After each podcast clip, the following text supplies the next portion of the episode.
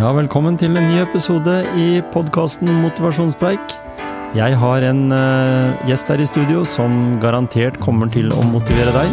Mitt navn er Tom Kjetil Olsen, og jeg skal lede deg gjennom denne podkasten.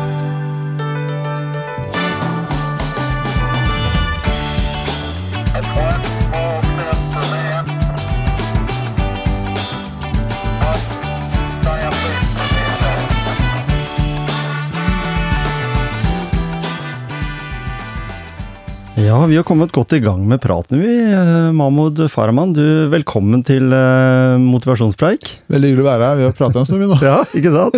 Varme opp. Og det, Og du, har og du har allerede varma opp, for du har vært og trent med gutta ute på sprek. Ja, det har jeg. Jeg begynte dagen der eh, klokka seks i morges, så Ja. var der halvannen time. Veldig grei start på dagen. Ikke sant? Stortingspolitiker Det for Høyre. Fra Du- Porsgrunn. Fra Porsgrunn.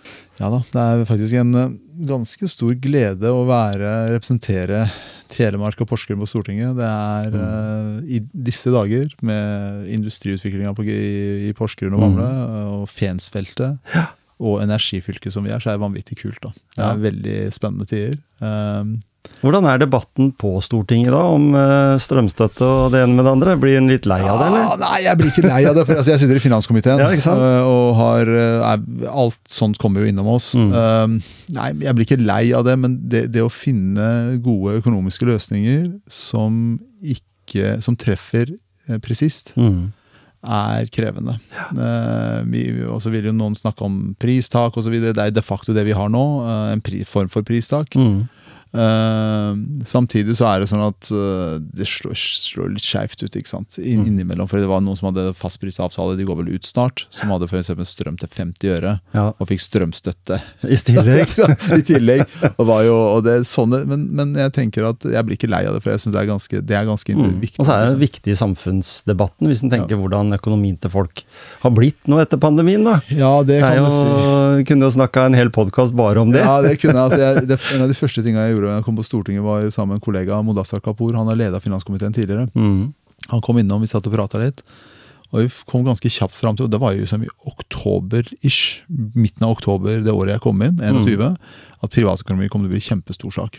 Så jeg satte meg ned og laga noen enkle regnestykker. Jeg liker litt tall, så jeg Mhm. regna kjapt fram til at vel, eh, for en by som Porsgrunn, så vil skatteøkninger, eh, økte renter, og da hadde jeg renta på 3,5 altså, mm. og økt strømpris, gi en redusert kjøpekraft basert på antall husholdninger som er i Porsgrunn, Mm. På en halv milliard. Ja, ikke sant. Det for, og mye av det går fra lokal, lokal, eh, lokal næringsliv. ikke sant? Mm. Altså Skal du kutte, så kan du ikke kutte på banklånet ditt og billånet ditt og bensinkjøp. Så det du kutter på, hva er det? Det er handel i lokale butikker. Eh, restaurantbesøk og sånt.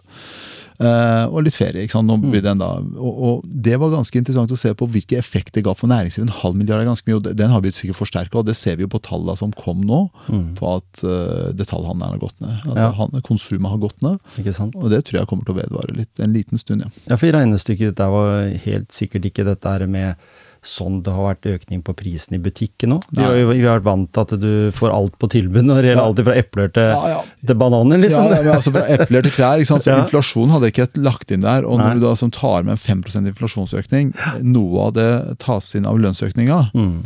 Men eh, fortsatt så er det 5 f- altså mye mer enn det prisøkning. I tillegg til at du har en 5 rente. Mm. Og de fleste av oss, la oss vi har en, i snitt i Norge 3 millioner i lån. Nå tar jeg en lav lånesats, altså 3,5. Mm. 5 av det, det er 175 000 kroner i rente i året. Da. Ja. Og når det går fra eh, 1 prosentpoeng, da, 1 eh, rente, eh, 1 rente da, eh, som da utgjør 35 000 kroner, Mm. Til 5% som er 175 000 kroner, det er, du skal jobbe ganske mye altså, for å tjene de det er det, 140. vet du. Og, og da, med en gang, la oss si 140 000 kroner i økte, økte utgifter per Mm. år, fordelt på antall måneder, så er det 12 000 kroner i måneden. Ja. Da Det er heftig. hardt. Det er heftig. Det er helt sinnssykt. Mm. Uh, og, og 12 000 kroner er bare renta di. Mm. Og så kommer matprisene, og så kommer drivstoffprisene. Strøm. Strøm kommer oppå der. ikke ja. sant? Og, og jeg tror nå nedkjølinga i økonomien, den effekten vi ser utover høsten, kommer til å forsterke seg. Mm. Eh, Og vi ser jo allerede en eh, si, eh, At det drar seg til i byggebransjen, f.eks. Det Mm. blir mindre og mindre å gjøre. Eh, og Jeg var på, på dugnad faktisk på søndag sammen med noen som jobber i byggebransjen, eh, og prata litt med de, og de er bekymra. Ja. Så det er en bekymring vi skal ha. Samtidig så mener jo jeg, tror jeg, altså man ser på historiske tall på dette her, at renta går opp, du får en nedkjøling, så vil renta falle, og så får du en normalisering av, eh, av eh, situasjonen. Mm. Jeg, altså, under pandemien så jobba jeg som beredskapssjef i, i Jeg jobba jo i konsulentavdelinga i BDO, men så ble jeg kriseleder i en Mm. periode under pandemien. Og en av mine jobber var, oppgaver var å på en måte komme med analyser. Så noen av oss satte ned en analysegruppe og analyserte hvordan markedet kom til å bli, for å som, se på permitteringer og arbeidsstokken og sånn. Og det var jo nettopp det. ikke sant? Altså, du går opp, og så går du ned. Altså Du får en dump pga. pandemi, og så Mm. vil det øke opp. Og det fikk vi jo rett til pandemien. så gikk det jo all, altså da, da økte jo aktiviteten helt Ikke sant? sinnssykt. Ikke sant? Og så faller den igjen. Og så får du egentlig en sånn øh, eh, hva, hva heter det? Du, du får en sånn eh, opp-ned-greie, og, så- og så roer det seg ned på. Men det tar litt tid, da. Mm. Jeg hadde ikke trodd det skulle gå så lang tid. Nei. Men det som skjedde også, var en krig og ma Mm. masse annet. Det, var, det var jo også mye det at hadde vi ikke hatt pandemien, så hadde vi nok kanskje takla den situasjonen vi er i nå på en helt annen Ja, måte. ja, ja. Men var det samfunnet stoppa opp i nesten to og et halvt år, så det var, var noe med det, med det også. Det så folk var jo liksom litt sånn forsynt og av annerledeshet, da. De, de var det. Samtidig så er det pandemien ble også i og for seg, sånn som det ser ut nå fra mitt ståsted, eh, et kjempeproblem for Kina. Mm. Kinas, Vi ser det i Kina nå. Evergreen, som går, altså det store eiendomsselskapet, kinesiske eiendomsselskapet som går på dunken. Ja. Kinesisk eh, consumer content, altså kundetilfredshet, da, eller Mm. forbrukertilfredsheten i, Kina, er så dårlig at de, nek de, de gir ikke ut statistikk på det lenger. Nei. Tidligere så hadde de gjort det, det har de slutta med siste året, tror jeg det. Mm. Eh, og folk i Kina begynner å miste håpet. Altså Du ser altså at eh, veksten går ned, Mm. eh, roer seg ganske betydelig. Mm. Og Kina står overfor et kjempedemografisk problem. Demografien får man ikke gjort så mye med. Nei. Men de andre tinga har kommet Mm. pga. hvordan de håndterte pandemien. Ja. Uh, og det vil jo slå ut veldig klart i verdensøkonomien. Det er forhåpentligvis til fordel for Vesten uh, og de demokratiene vi er en del av. Mm. Uh, men man vet aldri. Nei, ikke sant. Nei, det er noe med det der med Kina, men jeg har lyst til å høre litt om oppveksten din, ja. Du, du kom jo til Norge i 87 Ja, fra, 87, fra Iran. det stemmer. Mm. Jeg kom til Norge da. Jeg, eh, oppveksten min, ja. Skal vi ta, hvor vil du starte? Nei, gjerne hvis du husker litt fra Ja, det Dere dro jo til Norge av en grunn i, ja, altså, 87. jeg, jeg er jo født i Iran. Eh, mamma, som nå jobber på sykehuset i Telemark rett oppi gata her, hun, hun jobba på en skole, og faren min var lærer. Ja. Jeg har ei søster, hun er fire år yngre. Eh, Jeg husker fortsatt eh, den dagen pappa og jeg reiste på sykehuset, da hun var passe nyfødt. Mm. Det husker jeg vel, ikke veldig godt, men jeg husker fortsatt eh, hvor vi, altså gata og den stemninga som var der. Mm. Vi brukte altså mye om barndommen min. Det var jo, Vi bodde i en liten en by vest, ikke så langt unna Teheran. Karaj heter det. ja. Der, bodde, der, der jeg vokste opp og gått på barneskole i to år. Mm. Mine besteforeldre, foreldrene til min mor, bodde i Teheran. ja. Eh, et sted ja, Jeg husker fortsatt hvor de bodde, i en sånn bakgate der. eh, og min fars foreldre bodde faktisk ikke så langt unna oss. Eh, min bestefar farfar dreiv en sånn liten sånn alt mulig butikk. Han var tidligere offiser som hadde pensjonert seg, så dreiv en som bare underholdt seg selv. Og de bodde i andre etasje over butikken. Mm. Så jeg brukte jo, jeg var mye hos de, eh, og det var ikke sånn gåavstand. Så jeg, fra tidlig alder så kunne jeg liksom nesten gå ned dit, og det, det gjorde jeg. Eh, og, og det var liksom litt av barndommen. I huset vårt, det var et sånn typisk iranhus, iransk hus da på den tida der. Mm. Eh, sånn nesten rekkehus. Tett, altså Huset er vegg i vegg i vegg. Eh, og så har du, du kommer inn hoveddøra, så kommer du liksom inn til huset, og på baksida så er hagen.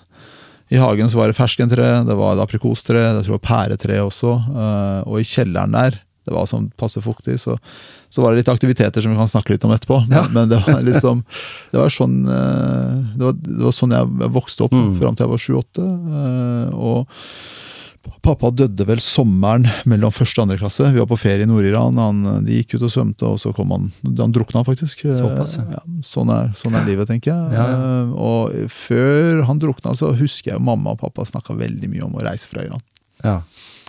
Ja, for Det er jo ikke tvil om at Iran var, hadde vært under en utvikling, eh, spesielt innenfor religion. Ja, altså i, Det ble 90 sånn.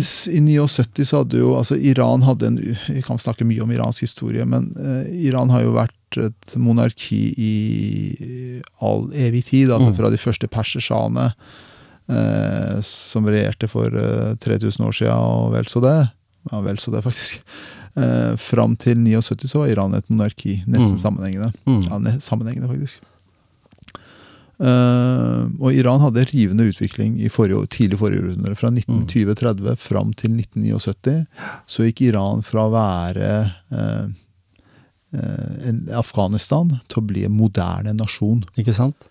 Som sammenligna seg med Korea, Japan eh, og Frankrike. Ja, ja. Og, og Jeg husker jo det. Du så jo det var jo skjønnhetskonkurranser Ja. der, og det var jo høy velstand. Det var mange fra Vesten som dro dit på ferie. Ja, og det, og, og det du beskriver der, er jo som interessant. liksom. For du Mm. fikk en enorm økonomisk vekst. Uh, Iran klarte å nasjonalisere deler av olja si, fikk Mm. masse oljeinntekter. Eh, så har du en ambisiøs eh, shah, konge, eh, som vil mye. Han er jo enehersker. Men Mm. samtidig så har vi dette fukuyanske eh, uttrykket om en sånn velvillig enehersker. Eh, en, en, en enehersker som vil nasjonen sin vel. Mm. Eh, og, og jeg må legge til her eh, Jeg er veldig stor tilhenger av demokrati, ytringsfrihet og alt det det medfører. Samtidig Mm. så mener jeg at demokrati, ytringsfrihet og all den infrastrukturen, for å bruke det menneskelige og institusjonelle infrastrukturen, det må bygges opp over tid. Mm. Den kommer ikke til av seg selv. Nei. Så uh, på 60-tallet så, så får man inn masse oljeinntekter, og man får en, eh, et enormt behov for å bygge opp nasjonen, altså bygge opp infrastruktur, veier, og, og man gjør de tinga. Mm. Det gjør at mange som bor ute i utkantstrøkene, flytter inn til byene. Når disse menneskene flytter inn til byene, og det er forska på i ti tiår Folk som bor i utkantstrøkene, er alltid mer konservative enn de som bor i urbane strøk. Mm. Så disse konservative menneskene kommer til disse eh, urbane strøkene med liberale mennesker med skjønnhetskonkurranser og diskoer og partying, så blir det en krasj. Mm. Eh, så kommer du, så er det sånn at eh, de konservative menneskene er én ting. Eh, Deres syn på verden er én ting. Samtidig så står Iran overfor en kjempeutfordring. Du har en stor, mektig kommunistnasjon i nord, som er Sovjetunionen Mm. eh, som har eh, en del eh, de, de, de har et de, brukte jo altså De brukte veldig mye energi under annen verdenskrig på å prøve å erobre eh, Nord-Iran. Mm. Det gikk jo ikke helt deres vei. De ble jaga ut gang på gang på gang. Men den kommunistiske innflytelsen i Iran, Nord-Iran var, var ve- vedvarende. Eh, og samtidig som de konservative menneskene kom til byen, og du fikk den der eh, litt friksjon der, så begynte kommunismen å vokse fram. Og mye av den kommunistiske retorikken eh, var jo det som ble kjøpt av vestlige medier. Mm. Eh, hvis man ser tilbake på varer som fikk kanskje aller mest oppmerksomhet eh, når vi ser på dokumentarer, så var det denne feiringen av 2500-årsjubileet for det persiske riket. Mm. Som ble beskrevet som overdådig, og det var ikke måte på elendighet, samtidig som folk sulta i gatene. Eh, ingen av beskrivelsene stemte helt. Overdådighet i hvilken eh, sammenheng? Hvis du ser på hvordan britene for eksempel feirer sin, sin dronning. Er det, var det i feiring av 2500-årsjubileet overdådig i den sammenhengen der? At folk sulta i gatene, vel, med hvem sin standard? Hvis du ser på utviklinga fra 1930 til 1960-70, så var fattigdom i Iran nærmest utrydda. Mm. Eh, så igjen friksjon for konservative, kommunismene som, som har sin innflytelse. Og, og, og Vesten som hele tida driver og kjører på sin, sin vest, vestlige medier som kjører på sin greie da, om, om Iran og sjahen. Det kumulerer eh, Det, det sammentreffer med en annen utfordring.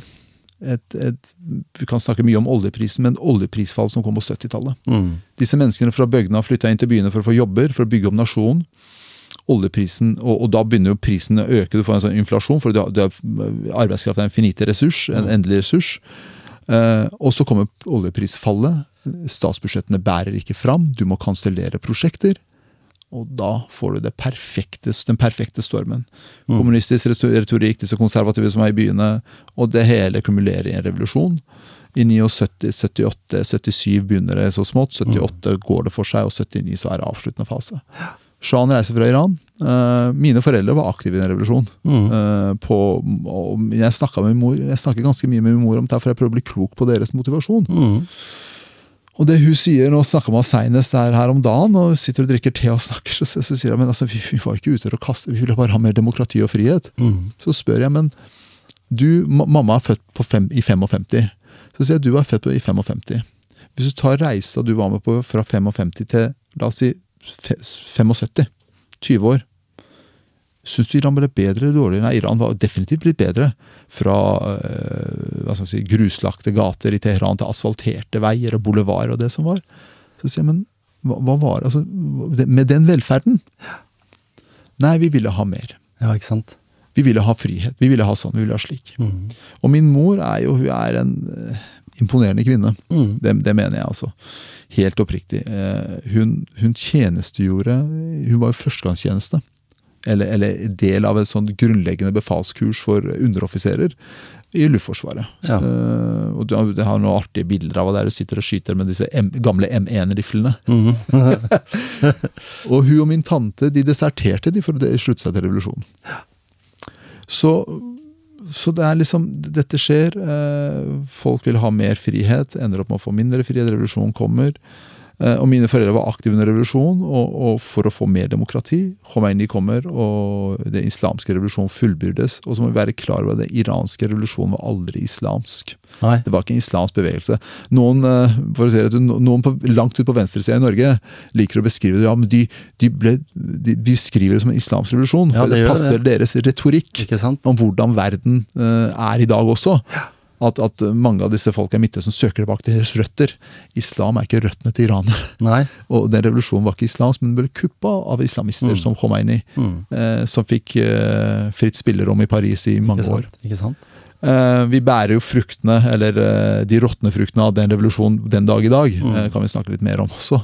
Men i alle fall, det, det som er greia, er at eh, Nå blir det lang, mange digresjoner her, beklager så mye til dine lyttere. Kjør på, kjør på. Eh, Men det som skjer her, er at mine foreldre var aktive i revolusjon. eh, Og, og når revolusjonen fullbyrdes, og det ikke blir det utfallet de trodde, så fortsetter de å være aktive. Mm.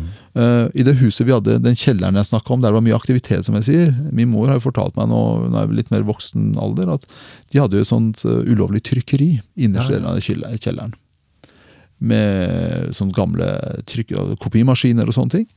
Eh, Og, og, og, og når far dør, så får mamma hjelp av disse eh, medsvorne skal jeg si, til å kvitte seg med alt utstyret.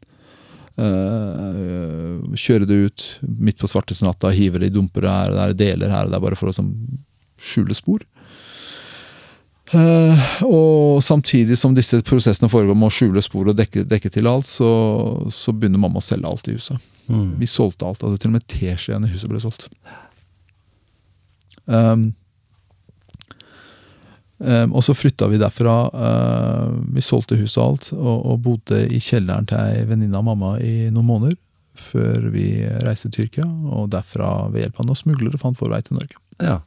Og det var altså, fant på vei, det høres ut som vi gikk med kart og kompass og lette, men det var ganske klart da vi skulle til Norge, for det, det blir jo sånne kyniske vurderinger. Mm. Hvor er det mulig å få opphold, hvor er det sånn, hvor er det slik, og så, så dukker det opp i Norge, og da ble Norge valgt som land, og så har vi vært der siden. Så i 87, da husk, det var i 87, da var jeg eh, russ, husker jeg. I 87? Jeg trodde vi var like gamle, jeg! det er ikke dårlig. Nei, takk for det. Se, jeg må jo se på det som et eh, godt, eh, en god tilbakemelding. Jeg var russ i 99, jeg. Ja.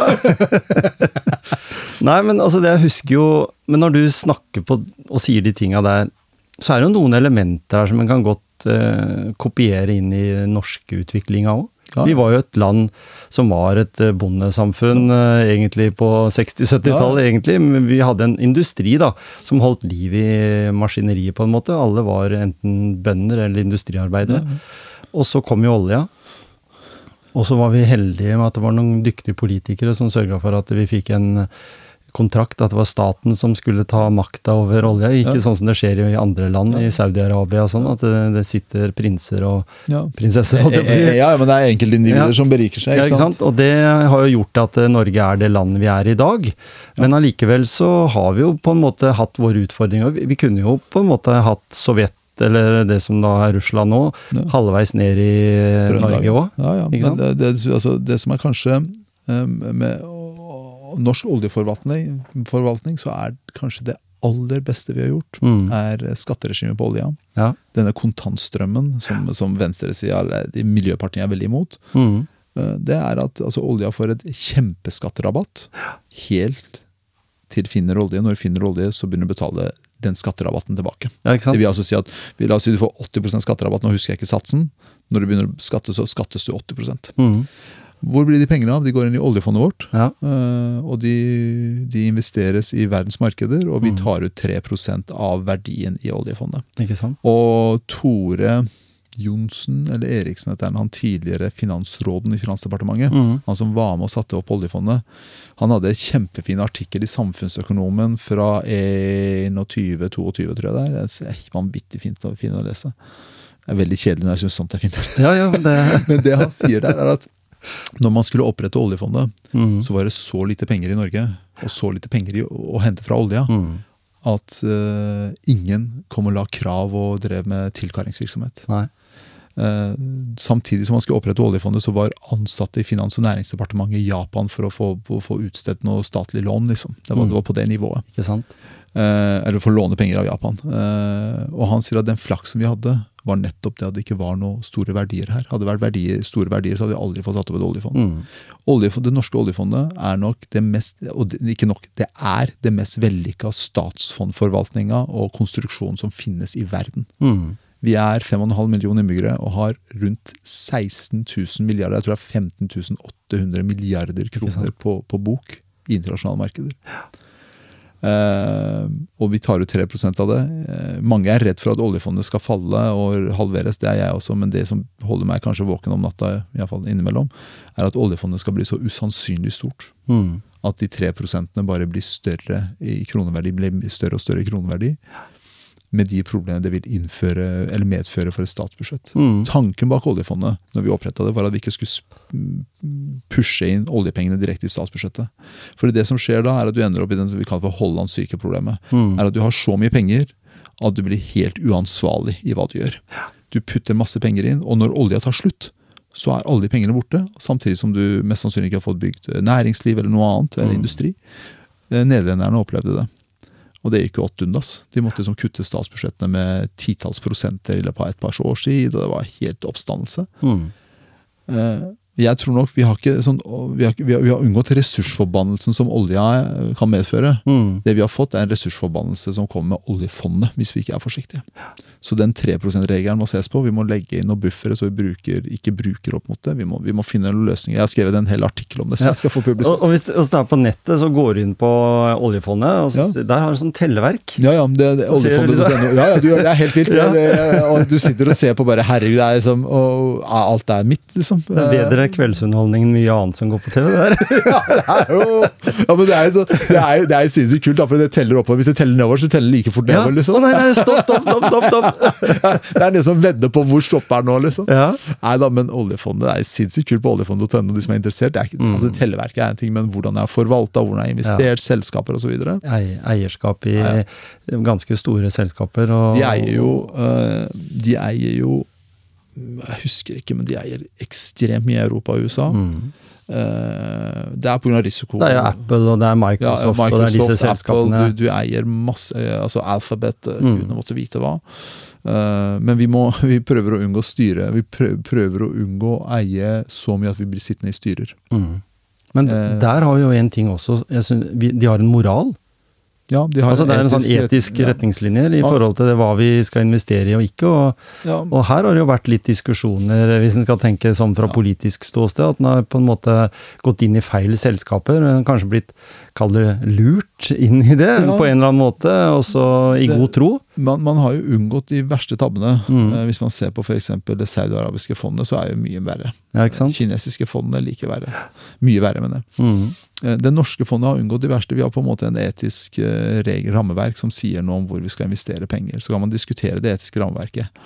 Eh, Vi unngår tobakk, og vi unngår porno, altså voksenbransjen, Ja. voksenunderholdningsbransjen, for å si det sånn. Våpenindustrien har vi et problem med, det kan vi diskutere mye om. Mm. Men, det er, det er, det er et sånt etisk rammeverk da, som setter noen begrensninger Mm. hva man kan investere i. Og det er for å unngå eh, omdømmeproblematikk, veldig ofte. Ja. Eh, man, dette med våpen som kan snakke mye om, er Vil du eh, Altså, kriger kommer det alltid til å være. Mm. Du kan krige sånn som Russland gjør. Upresist og bombardere sivile og militære og alt og flate alt med jorda. Eller så kan du krige presist med presise våpen. Kongsberg Gruppen lager ekstremt presise våpen. Ikke sant? Ikke sant? Der du kan på en måte ta ut ett kjøretøy i en kolonne, og ikke ta ut en hel by for å få tak i det kjøretøyet. ikke sant? Mm. Eh, spørsmålet er, hvis vi nå skal være, investere i, i, i våpenindustrien, er det ikke bedre å investere og utvikle presise våpen? For kriger kommer det til å være uansett. Mm.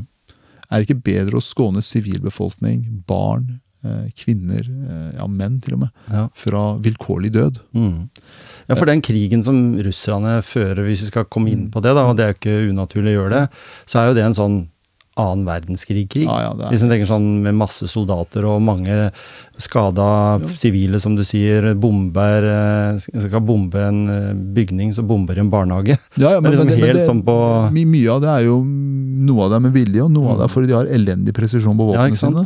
Eksempelvis var det her for et år siden, så bygde de om øh, var det bakke til luftmissiler Mm. til å være bakke til bakke.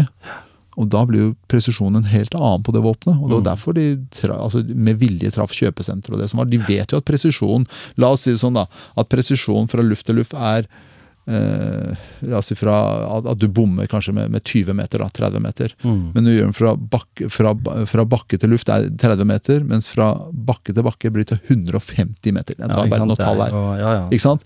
Og, og, og 150 meter eh, Det hvis, du bare- du tar sykehuset, da. Mm. Det er, bens, det er, det er bensinstasjon Mm. eller sykehuset eller Hercules. Ja. Og det er bensinstasjonen som skal treffe. Mm. Det er ganske alvorlige konsekvenser. Det er Altså. Eller den trafoen som er der oppe. Det er trafoen du skal treffe. Mm. 30 meter ved den trafoen kan du tåle. Men 150 meter, da er du midt på kirurgisk eller psykiatri. Det er helt utrolig. Du. Eller i verste fall så er det på Rema. Altså? Altså, du, du kan treffe veldig mye forskjellig. Men og jeg tror jeg leste en artikkel der, der de, de, de presisjons... Altså, presisjonsnivået var faktisk enda verre enn 150 meter. Altså Ja. vi snakker om flere hundre meter. Det kan virke sånn. Um, og, og, og russerne har jo det er, denne typen krig russerne kan. Mhm. De, det er det de har drevet med eh, siden andre verdenskrig. Det, Mm. gjorde de i Grozny, det gjorde de i Afghanistan, i Grozny i Tsjetsjenia, det gjorde de i, i Syria. Mm. Det gjør de nå i Men De gjorde jo på århundreskiftet 1800-1900 Ja. i de vinterkrigene. Ja, det var jo akkurat samme, samme det, måten det, å gjøre det, på. det, er som den derre den der, den der, med Sikkert med, ham, med steinøks og Ja, sånt det er på den samme- tida, hvis den går altså, helt men- tilbake. Menneskeverdi, menneskers verdi men, Mennesker har lite verdi, menneskeliv Mm. har lite verdi.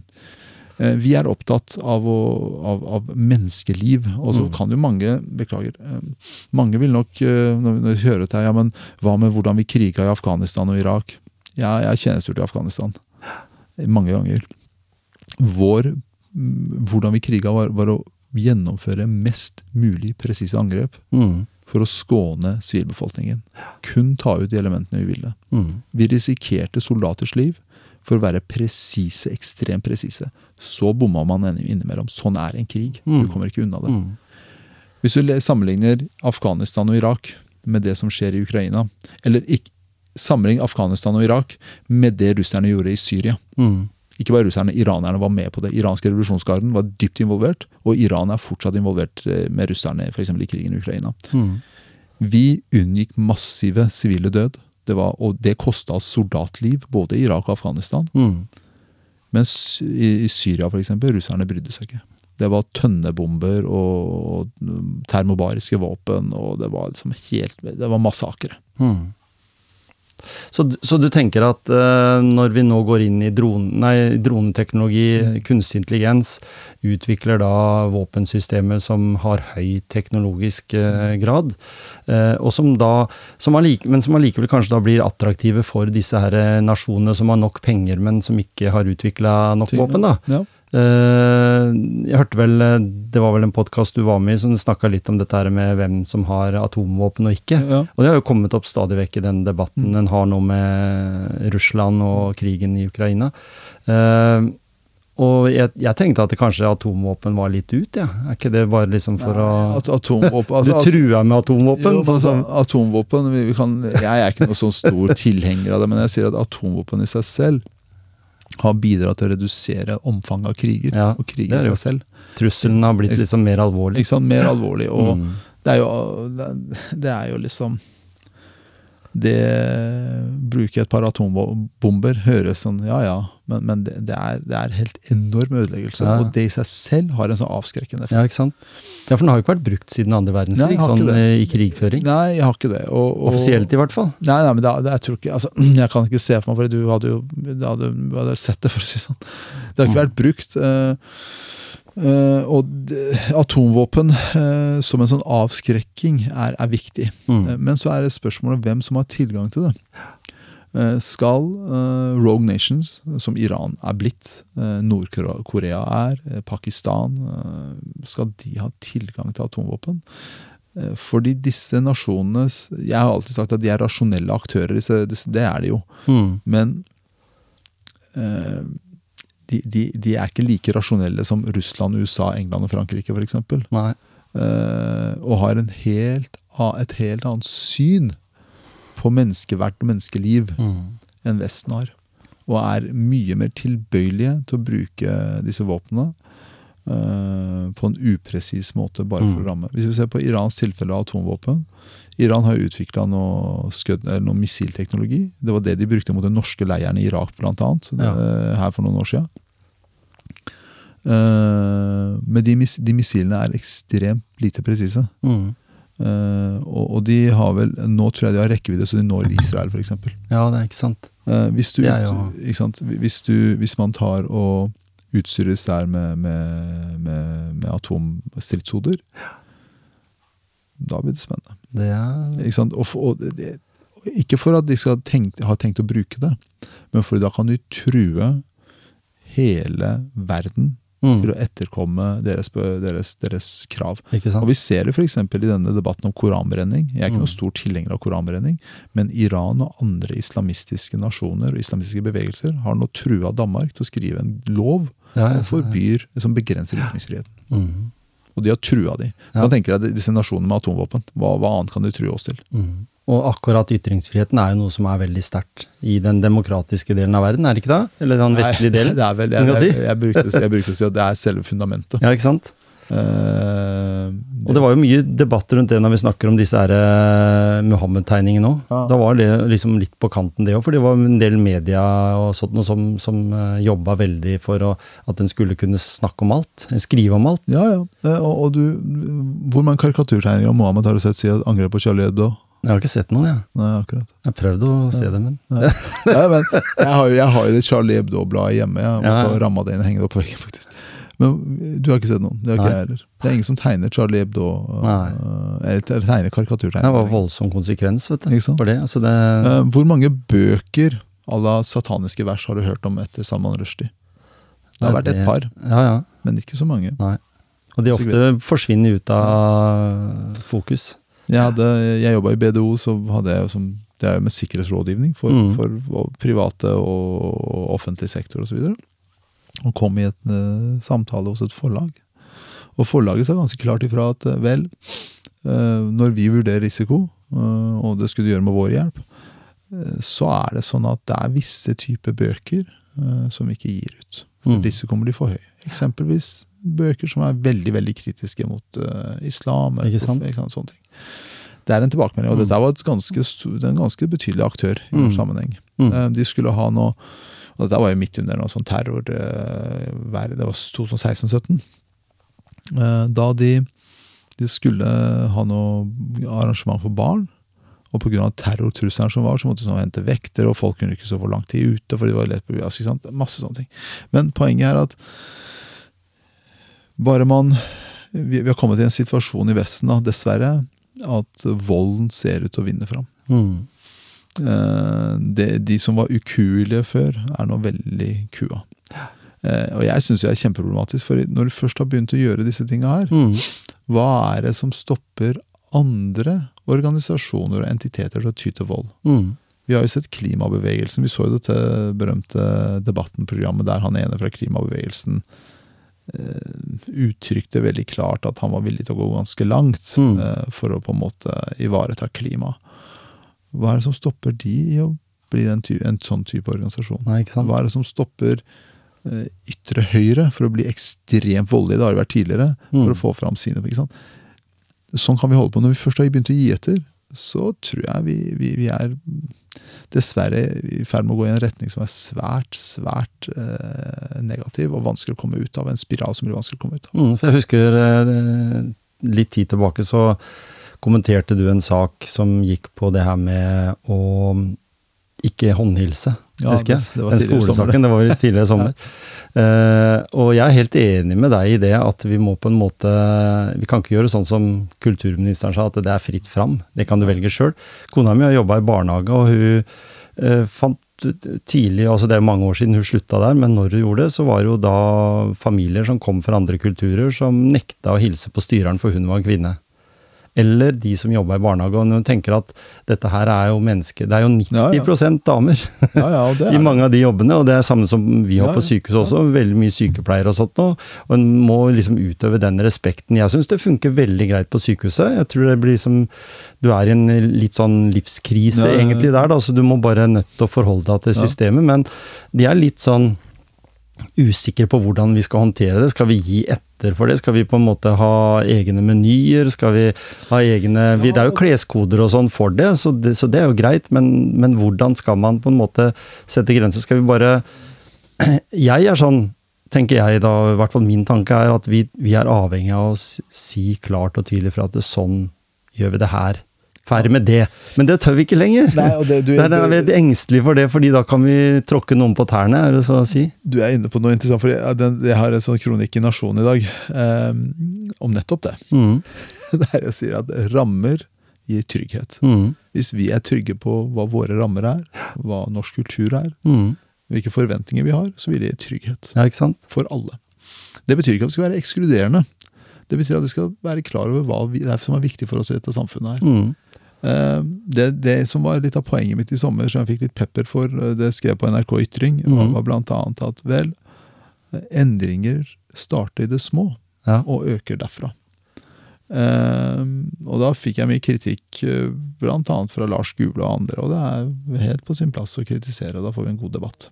Men poenget deres for at jeg overdreiv. Mm. At det var, det, var, det, var for, det var for voldsomt. Det som var dessverre litt trist, var at det gikk ikke mange ukene før vi endte opp i en koranbrenning-diskusjon med den loven som har kommet i Danmark. Mm. Um, og, Nasim Taleb, som er en av mine favorittforfattere, har jo den her i den intolerante minoritet-artikkelen som har blitt til en helt bok. Eh, ganske interessant sak som, som beskriver hvordan en liten minoritet kan bidra til å endre et helt eh, samfunn. Mm. Og han starter med sånn, ja, eh, du har en familie i en bydel som har ei datter som har blitt eh, vegetarianer. I butikken så finnes det ingen vegetarske, altså ingen, ingen alternativer, så faren begynner å etterspørre det. Når det er grillfester hjemme hos de, så er det alltid et vegetarisk, vegetarsk alternativ. Eller de blir, for det er lettere for dem, så spiser de bare mm, veg vegetarske retter. Mm. Og når folk kommer på besøk, så er det det de serverer. Når de skal på besøk til folk, så blir det sånn at de må også ha det til tilbudet. Mm. Og Da er det kanskje lettere å lage det for alle istedenfor bare å lage det for hun. Eh, hva skjer da? Da begynner butikken å ta det inn. Mm. Og, og Derfor altså forklarer han hvordan dette utvikler seg. Eh, og så sier han at dette er bare et eksempel, men det er, det er sånn det blir. Eh, og det ser vi i forskjellige sammenhenger. og og Vegetarianere skal få lov til å være det, og veganere også like fullt, og osv. Men det skal ikke mer enn en liten minoritet til for å endre store samfunnsstrukturer. Mm. Spesielt liberalt, altså ikke spesielt i et liberalt samfunn, vel å merke. ikke sant? Vi er et liberalt samfunn. Mm. Vi, vi er opptatt av individers rettigheter og friheter, og det er jeg helt, veldig tilhenger av. Mm. Samtidig så er det sånn når individers rettigheter og, og, og, og, behov møter storsamfunnet, hvordan skal vi gjøre det da? Skal mine, rett, mine behov endre storsamfunnets eh, grunnleggende prinsipper? Grunnleggende fundament? Hvordan, hva, hvordan da? I en ytringsfrihet er et godt eksempel her. Mm. Ved vold har en liten minoritet påført samfunnet sin vilje. Mm. Grunnleggende, eh, viktig sak, ytringsfrihet. Mm. Eh, hva gjør vi da? Håndhilsing er Folk kan, I min verden så, så hadde det gått an å løse det problemet på mange forskjellige måter. Mm. Så ikke for en rektor som står og henger med handa i lufta, men på sett og vis er innforstått med det. Og jeg møtte en konservativ muslim, en av disse konservative muslimene, norske tenkerne, da, Mm. eh, som har skrevet bøker om norsk islam osv. Og, og han sa til meg at eh, hadde denne gutten vært i Hvis han virkelig kom fra et konservativt muslimhjem, muslimsk hjem, så hadde den, eh, det fraværet av respekt han visste for rektors autoritet, det, det kommer til å by på, hadde bydd på større problemer for ham enn at han hadde håndhilst. Mm. Jeg har vokst godt på skole i Iran. Jeg, jeg har håndhilst på samtlige kvinnelige lærere jeg har hatt. Første gang jeg opplevde en kvinne som kunne håndhilse på meg, var en iransk journalist i 2004 i Afghanistan. Mm. Hun ville ikke, Det var første gang jeg opplevde bare, hva, Hvorfor er det, hvorfor det? Og nei, jeg, jeg er troende. Ja, men det er jo vi alle. altså, Alle her er jo afghanere. og det er liksom Mm. Eh, og, og, og det er liksom Som jeg sier, den respekten viser man hverandre. Mm. Og, og, og da er det sånn da at det kanskje burde vært litt eh, fremoverlent som rektor, og så spurt, er det greit, eller tenker du at det, Ja, det er jo altså, hvis, hvis jeg Vi har jo det i vår kultur, så er jo håndhilsing en del av det, bortsett fra under pandemien, så ble det den isteden. Den isteden, eller med beina, eller hva det var folk drev med. Ja, ikke sant? Men det er, så, altså, hvis jeg har et behov, du Mm. inviterer meg på middag, Mm. så er det kanskje min plikt å si du vet hva, jeg spiser ikke Jeg liker ikke aubergine. Eller jeg, jeg liker ikke squash. Eh, Jeg spiser det meste jeg får, altså, så er det ikke noe sånt. Men da sier du øh, til middagen så spiser jeg ikke det. Eller så lar jeg være å spise det hvis det er i maten. Jeg spiser Ja, ja. noe annet. Men det er min plikt å kommunisere det, det Mm. og ikke ditt ansvar å alltid spørre. Og spesielt når vi ender på en skole. Hvis rektor skal spørre alle 300 elevene vil du hånd i det, da blir det Ja, nei, det blir vanskelig. Det blir, og, og rektor fikk mye pepper for de greiene, og byråd, skole, skolebyrådet i Oslo heiv seg selvfølgelig på. Hun er jo den hun er. Mm. Uh, Istedenfor å ta læreren i forsvar på en, på en minnelig måte, så gikk mm. vi til angrep. Og med det satte de en standard. Ja. Uh, og så lurer vi på, og så kan man etterpå man, Vi lurer på i dag, og vi kommer til å lure enda mer på det om ti år. Hvorfor er det sånn at ingen respekterer lærerne vel? Hvis ingen forsvarer lærerne, som er en av de viktigste samfunnsfunksjonene vi har, Mm. Så er det ingen som respekterer lærerne. Nei. Ferdig snakka. Ja, men Det er så enkelt. Ja, det er det, ikke sant? Altså, Hvis jeg hadde vært lærer, eller hvis, ja, hvis jeg hadde vært lærer og, og, og irettesatt en elev Mm. på en helt vanlig måte. Ikke voldsbruk, ikke styggspråk, men irettesatt en elev. Og rektor hadde kasta meg under bussen. Mm. Hva, hva, skjer da? Da har jo ikke jeg noe myndighet lenger inne i klasserommet. Nei. Og, det er jo, og, og du har jo gått i, på skolen i den tida det var lov å liksom Ja. refse ja. elevene litt, da, hvis du gjorde Ja. ting som ikke var riktig. Ja. Eh, vi ser jo det i dag, så har jo ikke det gjort noe med mobbekulturen heller. At den liksom tar, fratar lærere retten til å være autoritære, da, eller bestemme i klasserommet. Så det er noe med den der eh, hele pakka der, da, at en må på en måte ha et samfunn som står for det de er. Vi er jo, Norge er et kongedømme som har vært det i over 1000 år. Mm. Så, så det er jo inn, det er inngrodd i, Ja, ja, ja. i folkesjela. Eh, selv om eh, altså, rollen konge er litt annerledes i dag, så respekterer vi de for de de er. Ja, Og så har vi et demokratisk styre med storting og, og, og regjering. Så, så, så allike, men som allikevel så tror jeg vi ville vært et tomt samfunn hvis vi for min del i hvert fall, uh, ville vært et tomt samfunn hvis vi sa det at nei, nå skulle det bli republikk isteden.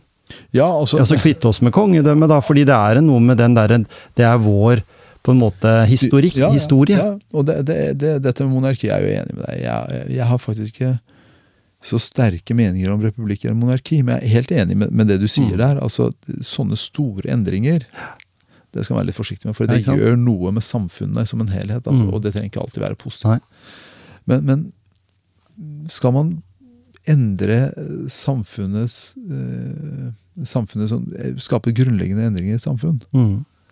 Så må man tenke seg godt om. Eh, Og da snakker jeg ikke om eh, justering av velferdsordninger. Da snakker jeg om grunnleggende Mm. ting. ikke sant? Monarki, Snakker ikke om å legge ned Nav, liksom. Sånn det, det kan vi greie allikevel. Det kan vi greie likevel. Men det er jo liksom sånn de, de, de utfordringene vi, vi står overfor. Og når vi snakker om mobbing, så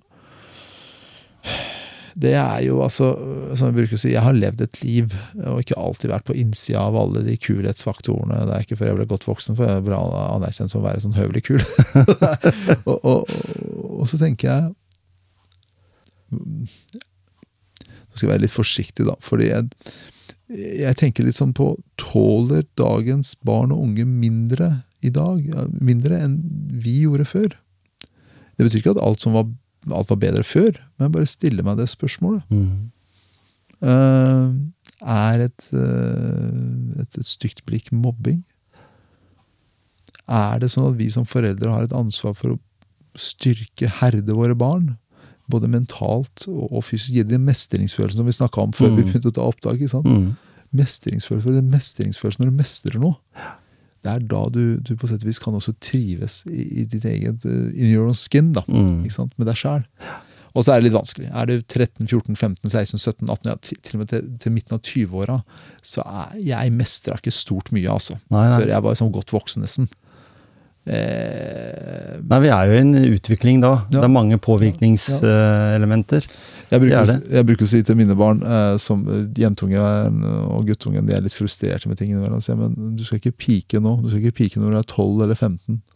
Du har fortsatt, eh, som 15-åring i dag, så har du sikkert 90 år igjen å leve. Mm. Det er kanskje greit å vente til du piker når du er så nærmere midten, altså sånn 40 år. Ja, ikke sant? Så da, da har du mange gode foran deg, liksom.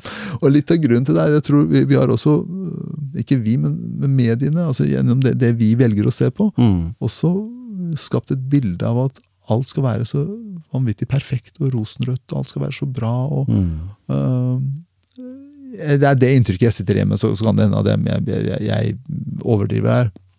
Vi har influensere som øh, Nå får ikke vi stortingsrepresentanter lov til å være på TikTok, men på andre, på andre flater. Eh, der, der de viser fram kun glede og happiness, og det er ikke måte på. Så har jeg sett at det har kommet en trend av litt eldre influensere som på en måte snakker litt om at den, den, den tunge tida. Mm. Det syns jeg er bra, jeg. Ja.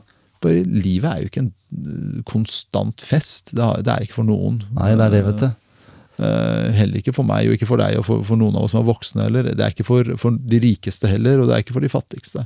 Men vi har alle gleder i livet. Det er et eller annet som gleder oss. Jeg har stor glede av å trene. Det, jeg, det, når jeg er sliten i huet, eller har, liksom, så går jeg og trener. Mm. Eh, Jeg kan løpe og trene styrke, for da kobler jeg av veldig greit. Mm. Får jeg litt sånn fred og ro med meg sjøl. Så jeg er ferdig, så er jeg så utmatta at da har jeg ikke kapasitet til å tenke på ting. Nei. Nei. Det er samme som kona mi sier. det, du, har så mange baller i lufta, Ja. sier du. At for å få ned noen av de ballene, så må du dra ut og trene. Ja, ja, men og så kommer du tilbake, så er du, er litt mer til stede. Det er det. Så det er en god medisin. Det er det, og jeg mener jo også det å gi barn og unge de verktøyene. Jeg har jo Nå kunne jeg sikkert snakka mye om det òg, men, men jeg, bruker, ofte å si, det har jeg sagt til flere podkaster jeg har vært i, at jeg har mislyktes oftere enn jeg lyktes. Mm. Eh, og er veldig ofte takknemlig for å ha mislyktes så fælt. Og det er jo en annen forskergrunnkar som har sagt det òg. Petter Stordalen. Ja, ja, ja. har jo også sagt det. det? Ja, ikke sant? Men, men det er liksom sånn eh, det- er litt de tinga der. Altså, du, du, du må mislykkes for å lykkes. Mm. Og du må mislykkes for å verdsette hver, hver bidige uh, suksess du har. Ikke sant? Hvis alt er en suksess, så vet du ikke hvordan det føles. Nei. Det er ingen som har det sånn. Uh, og jeg, jeg er liksom litt opptatt av å fortelle folk, barn, unge og voksne det, det, det ordner seg til slutt, stort sett. Mm. Det er, er, du- og jeg bruker å si, er du tålmodig nok og jobber langsiktig nok, Mm. så går det seg til. Og jeg har vært så, så jeg er sånn jeg, jeg, jeg, jeg begynte å trene ganske mye nå eh, i det siste, og så tenkte jeg på jeg, har jo trent ganske mye av alle år, men, men litt mer nå. Og så kom jeg til å tenke på som tilbake til midten av 2000-tallet, da jeg skulle med mine første militære opptak. Og møtte på noe motstand. så det var, når var, møtte på motstand og gikk dårlig på eksamene på eh, høyskolen, og sånn, Mm. da var det å ta på seg sekken og gå. Ja. For da, da gikk, Jeg gikk i tre-fire timer da, oppe i skogen og kart og kompass. og Mm. Hvorfor det? For det, er sånn jeg er bygd. da. Når det blir for tungt et sted, så må sånn fysisk fostring og driver med trening. Ja, ja. De, de, de, jeg tenkte at ja, faen, det er sånn det er. Det er sånn det har vært i alle år. Eh, som, som på fotballen nå. Eh, dama, det er slutt på dama ute på fotballbanen og stå der liksom, i timevis til midt på svarteste natta hele sommeren. Ja, for du har jo herja på Sunnjordet, du. Ja, herregud. Ja, det var, ja, ordet er herja. ja da, ja da. Jeg, har Jeg fikk det nemlig av en som heter Joakim, som jeg har litt Ja, podcast med. Joakim, ja. Vi spilte jo midtstopper sammen, vi. Ja, ja. En der. Han var uh, fin fyr, han altså. Ja, ikke sant? Men han begynte å løpe, han. Han har begynt å løpe, han har blitt hekta på løping. Ja, ja, jeg s- løp ved siden av ham på mølla. Jeg tenkte, faen, han hadde ikke det, hadde ikke sett for meg. Stor og tung og typisk fotballspiller. Jeg, jeg har jo spilt fotball sjøl i 44 år, og jeg vet jo det at all annen trening enn fotballtrening er mye bedre. Ja, ja, ja. Det har jeg lært meg nå, når jeg er blitt voksen. Men jeg, har, altså, jeg husker jo det var sånn, jeg spilte mye fotball, og jeg har aldri vært noen god fotballspiller. Uh, spilt stort sett back og defensiv midtbane og den typen av defensiv rolle. Jeg Mm. hadde én sesong som eh, spiss i USA, eh, det kan vi snakke mye om. Men, men, men så, for å reise på militære oppdrag så hjelper det ikke å spille fotball. Da var det sånn eh, gå og svømme og løpe rundt og trene mye styrke og sånn. Og det var en periode jeg kunne være ute og løpe i to timer med sekk eller uten sekk. Gå og spille fotball, trene fotball i halvannen time, for så gå i bassenget i en time og svømme. Ja. Og det var sånn, det da jeg fant jeg at det er fotballtreninga. Det er liksom bare slitasje. Ja. Det er veldig gøy, men det er bare slitasje. Sosialt. Ja, Det er veldig, det er sosialt. veldig sosialt. Ja, er- ikke sant? Men det er en, ja, du, alt annen trening er faktisk bedre, men det, den, den sosiale biten Mm. er noe helt annet. Altså. Men jeg har snakka med fotballspillere sånn som Fredrik Nordkvelde, Ja, han er- Han uh, driver jo med crossfit, Ja. trener. Ja, ja. Han er bedre fit nå sånn fysisk, sier han, enn det han var da han spilte fotball. Ja. Men ja, han uh, er dårligere på de tinga som er viktige på fotballbanen. Ja, ja. Det er helt andre fokusområder. ikke sant? Du skal være sideveisbevegelse, Ja, og du skal på en måte ha disse her start og stopp. Og, sånn, eh, og sånne ting. Du har veldig mye altså, i, i, det veldig mye forsvarsreferanser her, og det beklager jeg. Altså, I Forsvaret, så, i den avdelinga jeg jobba i, så var det sånn skyting med pistol og rifle var liksom det vi drev mye med. Mm. Og du løp og spurta mye og herja på og sånn. Eh, jeg, er, jeg er nok eh, sånn i totalen kanskje i bedre fysisk form nå Mm. enn det jeg var de åra jeg var operatør. Ikke sant? Men det var noe helt annet. Ja. De, de bevegelsene, muskelminnet, og, Mm. og, og hoppe og sprette og ned og opp og sånne ting. Kroppen var laga for det da. Selv om jeg løp mye da òg, Mm. så er det noe annet nå. Mm. Og det er nettopp altså, idrettsspesifikk eh, utøvelse, eller det, aktivitetsspesifikk eh, trening, Mm. er, er, veldig, veldig viktig i Ja. settinger. Men det betyr ikke at du er i kjempeform. Du er i kjempeform til det du skal gjøre. Mm. Om det er et opptak, du er i kjempeform til opptaket. Men så kanskje ikke i toppform for alt annet. Nei da. Når du sier Altså, vi var jo tilbake til dere Du kom til Norge, eller Ja. familien din kom til Ja. Norge i 87. Ja. Jeg var i militæret i 87-88. Det var midt under kalde krigen. Jeg husker det så godt enda, enda det er jo en mannsalder siden, Ja. hvis jeg kan si det. Eh, Og vår trussel da var Sovjetunionen. Jeg var oppe i Nord-Norge, eh, langt inn i Mm. Jeg så den sjette Ja, ja, ikke sant? Så, så jeg eh, var der oppe. Vi hadde Robert Mood som Robert, kompanisjef. Eh, og jeg husker den tida veldig godt. Uh, vi var gode nok i form til å slå han på Mm. tremila. Oh, ja. Så han var ganske heftig i god form sjøl. Robert er jo sånn Ja, ja. O2-snapper. Ikke sant? Så, så jeg husker det, var veldig stolte av det å slå ja. han når vi hadde den, både på ski og på, på løping. Men allikevel, da, så, så var jo det, det jeg tenker etter nå, vi var jo redd for at Sovjetunionen vi, vi fikk jo rykter om at de allerede var i Norge ganske godt besatt med spetsen Mm. Ja, ja. og det var ikke måte på. Så jeg husker jo egentlig at jeg holdt på å pisse i buksa når jeg gikk vakt rundt en sånn flystripe vi hadde i skibåten, for jeg var på sånn ja. grensevakt. Så det var skikkelig heftig. Så, så jeg har litt sånn det der når du snakker om det med Forsvaret, så har jeg et godt forhold til det med Forsvaret i forhold til at jeg har veldig tro på det samholdet vi hadde. Det med teambuildinga. Litt som vi snakker om her i Kompani Lauritzen, og Ja. hvordan de eh, får fram det. Men så tenker jeg også litt Er du sånn som person, da? Uh, opptatt av dette her med å være den beste utgaven av deg sjøl? For det er veldig poppis akkurat nå i 2020, 2023. Beste utgave av meg sjøl. Eller en bedre utgave. Ja, jeg, jeg, du, du, jeg, du spurte synes, Dette var et godt spørsmål. Ja. Nei, altså, jeg er mest Ja, det er det. Hva, for, hva er beste utgave av meg sjøl? Jeg er iallfall opptatt av å levere så godt jeg kan. Mm. Uh, og det er ikke alltid jeg lykkes. Nei? Uh, jeg er ikke så Hva skal man si? Jeg, jeg, jeg prøver hele tida å erverve kunnskap. Lære Mm. meg ting. Mm. For jeg syns det, det, det er veldig, veldig morsomt. Og så er ikke jeg så flink til å sitte og lese alt mulig rart. Jeg kan lese artikler, jeg kan lese eh, proposisjoner på Stortinget, jeg kan lese bøker. Men det jeg lærer aller mest av, er å ringe en ekspert. Mm. Sette av én time med vedkommende. Mm. Og jeg finner meg noen eksperter som har blitt kompiser med. eh, Økonomer. Så vi sitter, eh, prater sammen i en time og halvannen. Mm. Så lærer jeg ekstremt mye. Mm. Så kan jeg gå, og så, da har jeg noen knagger å bygge opp med, med litteratur. Fordi da, da kan jeg levere på det som er arbeidsoppgaven min. Ikke sant? Eh, da kan jeg, leve, jeg har ansvar for fondsforvaltninga i finanskomiteen på vegne av Høyre. Det er Mm. det jeg driver med. og Da må jeg kunne oljefondet, Folketrygdfondet. Og brukt mye tid på eksperter på dette her, for å Mm. lære det. Det handler kanskje ikke altså Skal jeg være helt ærlig eh, Det handler kanskje like mye eh, om å ikke feile, Mm. ikke tryne, som det gjør om å være beste utgaven av seg selv. Mm. Mm. For jeg tror dette ja, altså, jeg tror, dette jaget etter å bli beste utgaven av seg selv, det kan bli sånn uendelig langt prosjekt. Mm. Og, og, men det er jo på en måte en sånn La oss si at det beste utgaven av deg sjøl er litt sånn klisjéaktig, da. Hvis en skal bruke sånne, sånne uttrykk. Men, men allikevel så tenker jeg det her med å, å være på en måte den en er, da.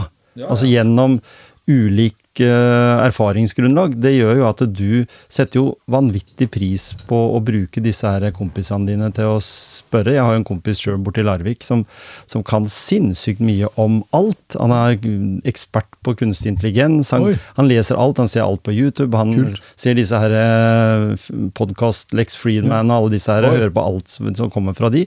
Jeg har jo ikke tid til alt det, men, men han er gira på det. Og da, hvis jeg har lyst til å vite mer om eh, kunstig intelligens, så er det bare å begynne å ha en prat med han, da. Ja, Jeg bør ikke lese meg opp engang. Jeg får med meg alt Nei. inn, så og det, det, er, du, du, best, altså, det, det er nettopp sånne ting. Mhm. Du, du kan ringe en person, få noen gode innspill, mm. få noen meningsbrytning, Ja. vokse på det, lære av det. Og jeg, jeg tror um, altså Når vi snakker om dette beste utgaven av seg selv, så må det også ses i en kontekst. Mm. Beste utgaven av meg som operatør er ikke den beste utgaven av meg som stortingsrepresentant. Nei, ikke sant? Det er ikke alltid Eller som far, Så eller, er som som, far, eller alle de elementene du er borti. Alle de tingene. Det er ikke det. Nei. Eh, Jeg bruker alltid å si til folk jeg er altså, jeg, jeg bruker å si at jeg er kanskje ikke verdens beste menneske. Altså, og hva er verdens beste menneske? I Mm. hvilken kontekst? Men, men jeg er jeg, jeg, jeg er opptatt av å kanskje ikke feile, da. Nå er vi som motivasjonspreik, med Ja, deg, så kan jeg si de tinga der. Uh, den, den følelsen liker jeg bare ikke. Men jeg lærer av den. Mm. Eh, Og som jeg sier, jeg har feila såpass mye i livet mitt at jeg, jeg, Ja, ja. jeg er vant med den følelsen. Det tror jeg de aller fleste av oss har gjort. Ja, ja. Alle vi som er voksne, eh, og har vokst opp i, i 80- og 90-talls-Norge, eh, Mm. er vant med å mm, feile og beklage til drite oss ut og sånne ting. Mm. Det er liksom, sånn man vokser, som man lærer. Mm. Men jeg, jeg, jeg liker ikke den der følelsen av å uh, ikke strekke til. Eh, og så er det sånn som alle andre mennesker, så eh, anerkjennelse gir mye motivasjon. Mm. Så vil eh, forskjellige typer eh, anerkjennelse gi forskjellige typer motivasjon. Mm. Og så er, det, er det, er det med kan du si, den beste utgaven av deg sjøl er litt mer enn bare akkurat fysisk og psykisk Ja, ja, ja. styrke. Ja, Det er jo det det går ofte på. og Tar du den forsvarsmodellen, så er det jo liksom den mentale styrken din og den fysiske styrken din. Og så er det så mange andre elementer eh, rundt dette. det er Det er intelligensen vår, det er hvordan er vi, er vi EQ eller IQ, altså mange elementer, da. Og, og du, ikke sant eh, Dette, dette med Også, også emosjonsspekter. Mm. Ikke sant? Du Jeg er ikke akkurat kjent for å være en sånn kjempeemosjonell person. Jeg ler og humrer og ler mye og sånn. For hvis jeg ikke gjør det, så ser jeg veldig sint ut. Har jeg fått høre. Eh, Det kan jeg fortelle litt historie om seinere. Men, men det, det, altså, ikke sant? være beste utgaven av seg selv. Hva, hva betyr det egentlig, i hvilken kontekst, hvilken setting? Mm. Men det å gjøre arbeidsoppgavene du er satt til, på en best mulig måte. Mm. Med de rammene som er der, med forutsetningene som er der, erverve kunnskap for å kunne Mm. gjøre det, Mm. eh, osv., er kanskje viktigere for meg. Mm. Og jeg igjen, jeg trener Trening for meg gir meg mye energi. Ja. Jeg, jeg syns det er ålreit Mm. gjøre det på morgenen sånn som i dag, eller litt utpå dagen. eller trene. Jeg kan faktisk finne på å trene to ganger om dagen. Fordi, for, fordi da, da får jeg rensa huet. Jeg kan løpe intervallet på morgenen trene styrke på kvelden. Og, Mm. For da får jeg tida til å liksom, gå opp, og spesielt når jeg er i Oslo aleine, så er det greit. Mm. Eh, eller trene styrke på morgenen. Altså, hva det måtte være. Litt, litt av grunnen til at jeg snakker For, for meg så er det mentalhygiene. Mm. Ikke sant? Jeg går rundt her med propper i øra, hører på noe dårlig filmmusikk fra 80-tallet og syns det er kjempekult.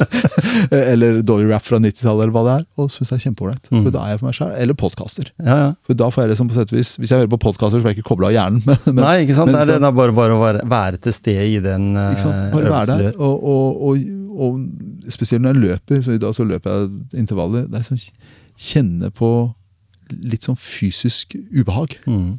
For, for da har det sånn presser du grenser. Mm.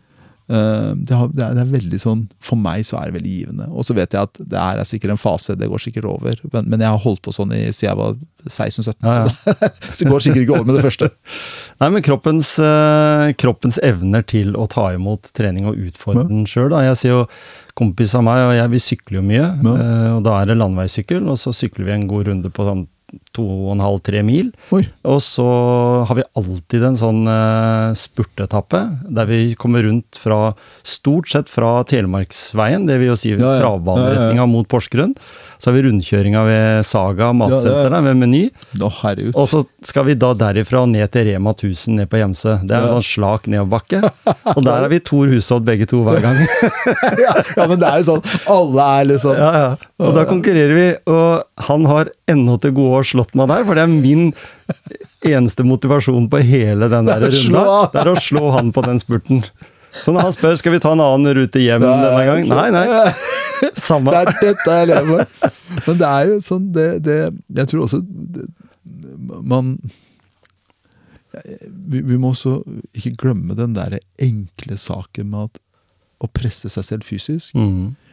Tilbake til mestring. Mhm. Da mestrer du det. Og da snakker jeg ikke om å løpe like fort som naboen, for folk er bygd forskjellig, folk forskjellige aldre. Ja, ja.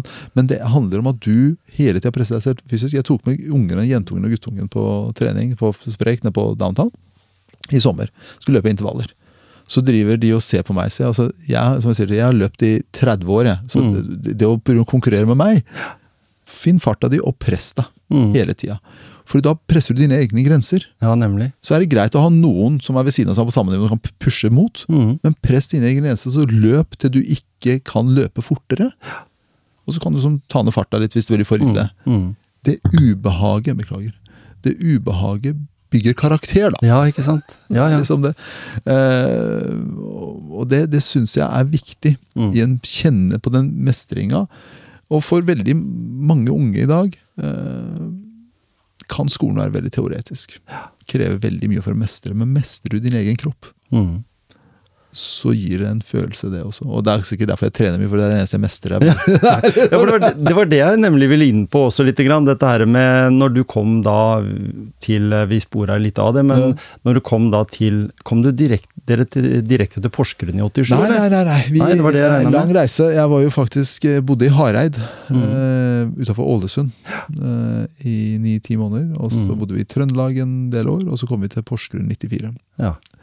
Eh, jeg var alle ting i verden, så var jeg i Hareid i sommer. eh, på sånn valgkampgjeng det var oppe i Møre og Romsdal. Så var jeg i Mm. Hareid og Ul- Ulsteinvik og Hareid et par dager. Det var litt morsomt, for den familien som jeg hadde, vi hadde tettest kontakt med Faren heter Jostein, eh, og det var Audun som var storebror, og Tor Ove. Og så har de en lillebror som jeg ikke husker navnet på. Jeg var og besøkte de. ja, Det var et emosjonelt møte. det vil jeg tro. Det var sterkt. Og jeg, jeg de- opplevelsene på Hareid er nok kanskje de som har forma min opplevelse av Norge. Mm. Veldig mye av disse menneskene man møter som åpner døra si, tar deg inn på julaften. Eh, Mm. Du er sammen med de på julaften, du får, du får være sammen med de etter skolen. Mm. Og det, Jeg huska jo ikke det, men familien til Audun, da, som gikk i klassen min, bodde jo rett ved, siden, bodde jo rett ved siden av uh, skolen. Ja. Og mora Tone, tror jeg hun var jo uh, lærer på skolen. Mm. Eh, Så det var sånn vi ble kjent, og det var sånn jeg begynte å gå dit. Og og etter hvert så var mamma, vi var der hele, mamma og søstera mi og jeg var der på middag, vi feira jul sammen med de. Så hadde de, de hadde, Det var så morsomt, for de hadde alle disse gamle bildene. ja. Og det var eh, så stas, da. Eh, Og så takknemlig for å ha møtt disse menneskene. Men derfra så bodde vi i Trøndelag i en del år. Eh, og så i 94 så flytta vi til Porsgrunn. Eh, og bodde i Porsgrunn mer eller mindre siden Altså jeg har vært en del år i Oslo, en del år i utlandet her og der, også, men ja, Fall tilbake til falt tilbake. Porsgrunn. Kona mi er fra Porsgrunn, så vi ja, bor jo der. Og det er litt sånn Jeg har en kollega på sykehuset som kommer fra Serbia eller noe, Mm. mener jeg. Og han har jo bodd i Norge, kom også opp på, til Norge på samme måten, litt på samme måten, innom forskjellige steder. Og de der ble jo da plassert i Hjartdal eller noe sånt, oppe i Telemark. oi, oi, oi. Og, og, og da tenker jeg med meg sjøl Det må jo være en enorm kontrast å komme opp til Hareid, da. Fra, fra Ja, ja, ja. Og, Forholdsvis, for det var jo på en måte Dere flytta jo ikke fra Iran fordi det, dere bodde på landsbygda i en bitte liten jordhytte, liksom. vi, vi bodde i Keraj. Keraj hadde over en million innbyggere. Ikke sant? Og Teheran hadde jo enda. Forholdet var mye større Ja, ja. enn oppe i Hareid. Og så kommer det sånn fra altså Jeg husker jo når det snødde i Iran, så stengte jo skolene. Mm. Altså, ikke sant? Det var, eh, var jo Ja, det har snødd, da er skolen stengt i dag, liksom. Så kom jeg opp til Hareid, det var sånn For sludd, og det- snø altså Uansett vær, så var det skole. Bare, hva er det for greier her? Uh, husker jeg tenkte veldig ofte hvorfor er vi på skolen når det eh, snør så mye, eller er slutt Ja, ja. dårlig vær og sånn. Men det var veldig overgang. Det var det. Uh, men som barn så tenkte ikke jeg så mye over det. Og det verste av alt er at jeg ikke har savna Iran så mye. Nei? Har du vært der nede etter Nei, Aldri. ikke sant? Og har ikke tenkt på det som Det er visse ting man tenker over, men jeg har ikke savna det. Ehm, og, det er jo kanskje Jeg er generelt sett dårlig på å savne ting, kanskje. Det er kanskje derfor. Men, men eh, nei, jeg har ikke, jeg har ikke savna det. Og, og, og dermed så har kanskje det å være Det å bli norsk vært lettere, da. Mm. Men så er man jo prisgitt eh, menneskene man møter på veien. eh, På mange måter. Selv, selv om jeg Ja, for det, fordi vi er inne på, når du kommer til Porsgrunn da på den tida der, og sånn akkurat uh, i det året vi hadde hatt OL på Lillehammer, Ja, ja. vi var jo veldig nasjonalistiske da, på den tida der, altså i forhold til det, og det er jo, jeg mener at det ikke har, er en, et skjellsord da, for det er viktig det å ha på en måte forankringa i det norske flagget, det er jeg veldig, veldig glad for det. Det er jo vårt symbol på, på hele vår kultur. Det, det, det som er ganske interessant, er ordet nasjonalisme. Mm. Hvordan det har blitt så utskjelt. Ja. Eh, nasjonalisme for mange representerer kanskje det Hitler sto for, mm. og den typen ting. Når jeg hører ordet nasjonalisme, så tenker jeg på patriotisme. Mm. Et kjærlighet til et land. Et kjærlighet til en nasjon. Mm. Uh, og kjærlighet høres kanskje, kanskje stort ut, men la oss kalle det lojalitet. da. Ja. Ikke sant? Uh, og den patriotismen er også det som bygger fellesskapet. Mm. Og gjennom det fellesskapet klarer vi også å bygge disse trygge rammene som gir tilhørighetsfølelse og Mm. bygger felles identitet. Når folk hører felles identitet, så tenker de at alle er like. Nei, det er ikke det det handler om. Felles identitet handler om å finne disse felles verdiene vi kan enes om. Mm. Og vise den lojaliteten til en nasjon vi er en del av, og til hverandre. Mm. Og gjennom det bygge opp nasjonen, og, og bygge opp hverandre og styrke oss og Mm. kulturen vår. Mhm. Det er ikke noe negativt i det. Eh, jeg ser ikke noen problemer med det. For vi, vi, igjen den inkluderende, altså Man snakker om inkluderende og ekskluderende nasjonal, nasjonalisme. Mm. For meg så er den inkluderende nasjonalismen patriotisme. Mhm. Eh, og patriotisme er ikke negativt. Nei da, og vi har jo 17. mai, ikke sant? ja. og vi har idrettsarrangementer og sånn som, har blitt- som er veldig viktig for Norge, for å vise at vi presterer. Vi har jo vært en liten, ubetydelig nasjon som, Ja, altså, det- som, som nå blir betydningsfull i, i annet enn bare langrenn. vi, vi, vi har jo vært Altså Du sier liten og ubetydelig nasjon. Jeg vet ikke om jeg er helt enig i den beskrivelsen. Hvis vi går tilbake til Altså vi har alltid, Stoltenberg sa at vi var en fattig nasjon. Det stemmer jo ikke. Vi har jo vært en eh, forholdsvis eh, grei, ikke rik nasjon, men vært en middelklassenasjon i Europa. Vært Mm. betydelig fattigere land enn oss i Europa. Mm. Vi har forvalta fiskeriressursene våre på en ordentlig måte. Vi har vært heldige. Vi har hatt masse fossefall som er bygd om til, til å bygge, ha industri. Uh, vi, vi har vært, altså Til tross for at vi har koloni, for å bruke det begrepet, for Danmark og Sverige, så har vi aldri vært liksom opplevd den samme kolonialismen som andre land har opplevd. Nei. Eh, og Vikingtida er ganske interessant i norsk sammenheng. Mm. Altså Vikingene reiste jo til Persia og Arabia. altså? Det var, var overalt Mm. det, det er mye å være stolt av. Vi snakker om oss om selv som en sånn Ja ja, det er pga. olja vi er rike. Vel, norsk kultur er ganske rikt på veldig mye. Mm. Uh, og jeg kan ikke norsk historie langt nær, så godt som jeg burde kunne, muligens. Men vi er en rik kulturnasjon. Altså Hvis vi går, ser på en enkel ting, da. Vi har eksportert ting fra Telemark siden vikingtida. Mm. Vi har eksportert stein.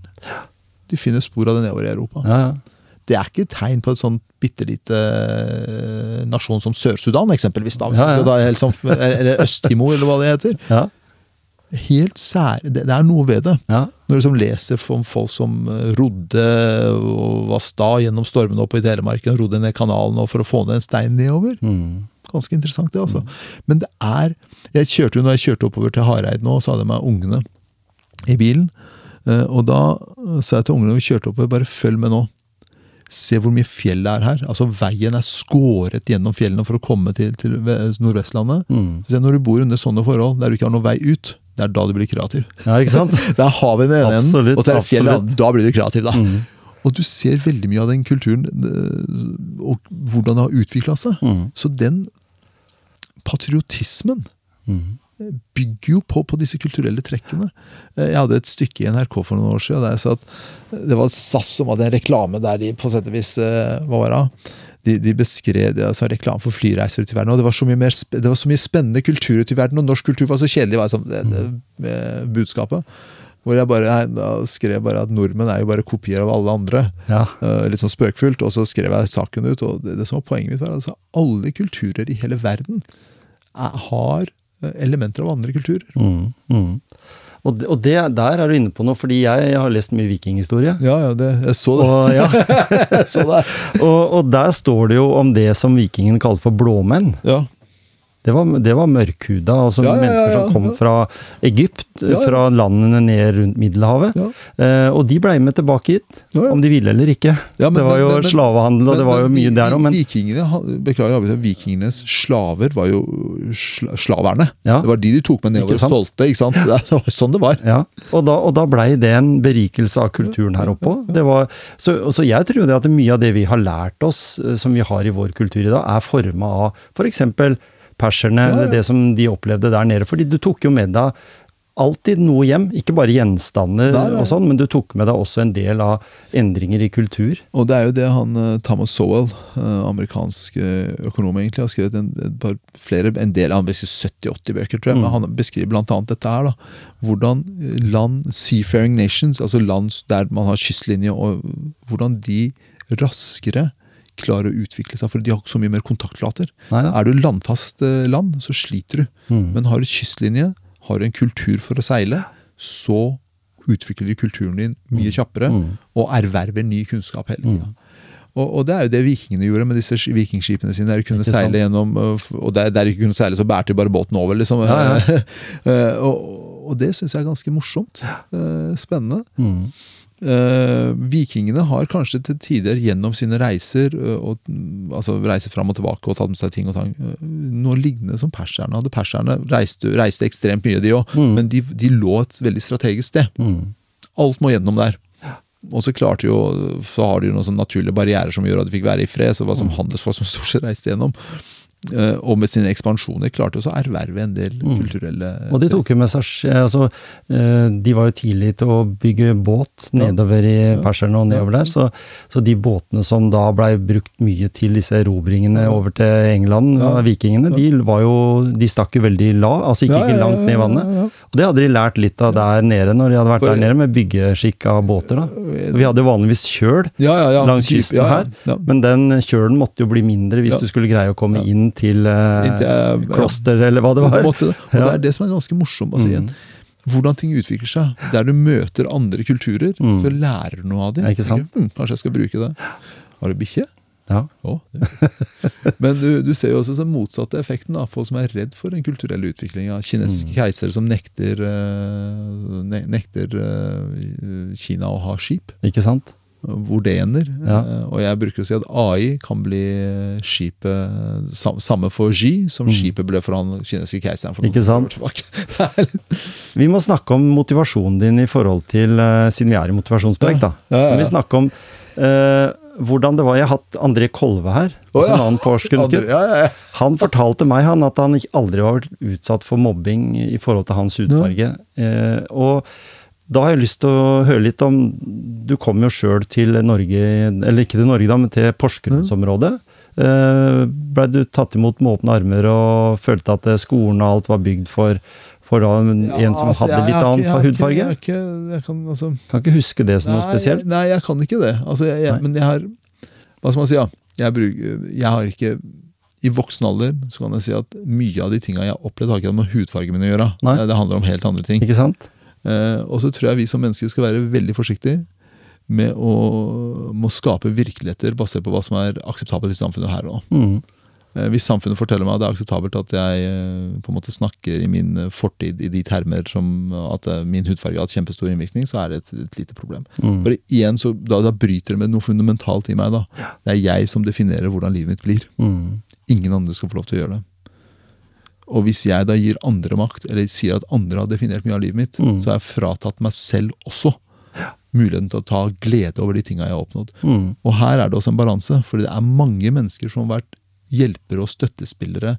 Alt fra Espen Storvann i Porsgrunn til Gunn-Marit Helgesen i Høyre. altså I Høyre sammen, så har disse menneskene vært ganske viktige. Mm. Eh, men i andre sammenheng så er det andre mennesker som er viktige. Som på sett og vis har vært med å, å, å- å bidra til min utvikling og gitt meg muligheter. Eh, så jeg vil påstå, en påstand som blir sikkert veldig kontroversielt, at de ting jeg har opplevd i mitt liv, har nok vært et resultat av helt andre ting enn min hudfarge. Mm. Men jeg har nok hatt fordeler av å være innvandrer. Ja. Av å kunne andre språk, av å forstå andre ting. Eh, og det man, skal man også ha med seg. Mm. Og det er en god bagasje. Ja, Kan ja, ikke ja, si det at ja. det alltid er liksom sånn at du behøver å tilpasse deg alt, men du kan også ta med deg de Ja. gullkorna. Du uh, sier jo sjøl at du er porsgrunnsgutt, Ja, jeg gjør det. sånn i utgangspunktet. Ja, men jeg, jeg, jeg, gjør det. og Ja, ja. Jeg, jeg gjør et nummer ut av det. Av og Ja, til, ja. på sånn spøkult. Jeg, jeg beklager avbrytelsen, men jeg var oppe i Molde nå, så, så ble det sagt at ja, Mahmoud Farahman, stortingsrepresentant fra Telemark, øh, og bor ikke så langt unna Fensfeltet, bla, bla, bla. Så gikk jeg opp på talerstolen og sa ja, som dere ser på hudfargen, så er jeg fra litt sørligere breddegrader enn det dere er. Det er Ja, ja. i Telemark. Ler jo folk. Hadde en annen episode. Første gang vi skulle bli sendt til Afghanistan, så var det Kristin Krohn Devold som var forsvarsminister. Ja. Og da blir vi jo, Det er jo oppstilling, og så er det inspeksjon. Så kommer ministeren eller statsråden bort. da. Så hadde jeg gått rundt og sånne, sånne mundane, idiotiske politikere. Ja, 'Hvem er du? Hva heter du? Og hvor er du fra? Og hva gleder du deg til?' og sånt. Så kommer hun til meg, da, og da har liksom vært alle har svart liksom, Møre og her og der. Og så kommer hun til meg, og ja 'Hvor er du fra, da?' Så Veldig sånn, sånn, sånn ve, ve, ve, Veldig nysgjerrig spørsmål. Sånn, sånn, sånn oppriktig nysgjerrighet. Og da gikk jeg rett og sier Porsgrunn, Telemark, statsråd! og, hun, og hun ble helt stille. Og så hører jeg latteren bakover. Ja, ja. du skjønner hvor det bærer. Og hun bare snur seg mot Jeg tror det var eh, Jeg husker ikke men Det var en av disse oberstene som var der. Bare, ja, nå har vi jo straks hele landet representert! ja. og sånne ting har jeg gjort med vilje i mange år. Jeg, hadde, så, så, jeg syns det er kjempekomisk. Vi hadde en, eh, en av disse turene til Afghanistan. Vi, vi jobba i et sånn avskåret område i leiren for oss sjæl. Eller det var sånn våre lokaler. Så kom du inn, og da brukte jeg å henge bilder av alle som hadde vaskeoppgaver. Eh, altså lokale vas vaskehjelper som vaska kontorene og sånn. Så kommer de bort, og da hos oss så kunne de bare vaske skoområdet.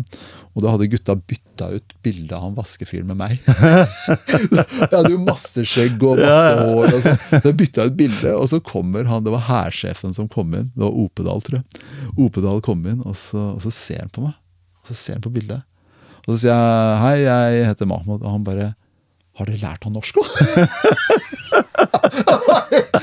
og du bruker sånn og det er bare spøk. Altså, det er ikke meg. Jeg, jeg, som jeg er rittmester, jeg er kaptein, liksom. Ja, Ja, så men, men tilbake til spørsmålet ditt. Men jeg, jeg tror man skal ha mye gøy med sånne ting. Jeg, jeg mener at man skal embrace det man er, ja. på godt og vondt. Senke skuldrene litt. Senke- ikke være så stressa med at eh, alt er så feil. Alt er så feil, og jeg, jeg er nok Altså, jeg stresser, jeg òg.